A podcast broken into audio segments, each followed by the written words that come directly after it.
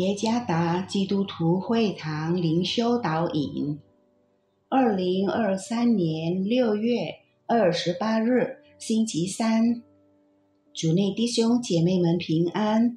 今天的灵修导引，我们要借着圣经阿摩斯书第五章二十四节来思想今天的主题：为正义而奋斗。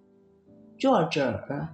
和城里牧师，阿摩斯书第五章二十四节：唯愿公平如大水滚滚，使公义如江河滔滔。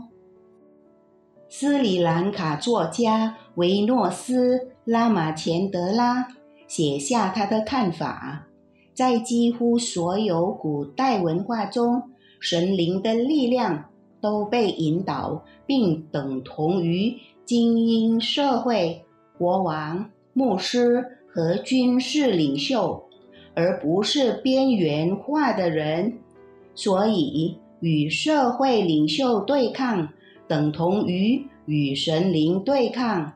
但这里说的是，以色列人有不同的理解，耶和华。护卫的不是地位高的男士们，而是孤儿、寡妇、寄居的人、穷乏的人。他的能力在历史上被揭示出来，就是要兼顾这些人。在先知阿摩斯的时代，以色列人当中发生了一个大问题：精英们。践踏了被边缘化群体的权利，他们为银子卖了一人，为一双鞋卖了穷人。他们见穷人头上所蒙的灰，也都垂涎，阻碍谦卑人的道路。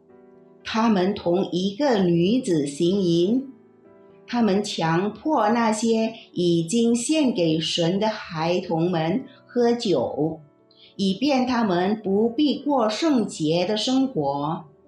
官员的妇女或妻子们喜欢使用他们丈夫腐败得来的金钱欢宴醉酒。他们甚至抵挡那些宣讲预言关于审判、愤怒、圣洁、神的公义的先知。神借着先知阿摩斯责备甚至惩罚他们。对于那些要归向神并领受了神恩典的人，神要他们为正义而奋斗。所谓的正义是护卫和帮助软弱的人、穷乏人、敢说真话的人、寡妇、孤儿。寄居人，我们是借着基督耶稣的工作被称为神子民的人。基督改变了我们的身份，指引我们无论身在何处，都要为我们的邻舍争取公正公平。我们做事为人要公正公平的理由是。因为我们领受了神的恩典，我们可以透过在道义上、物质上和其他方面的正义行动，捍卫弱者的权利，帮助穷乏人、寡妇、孤儿。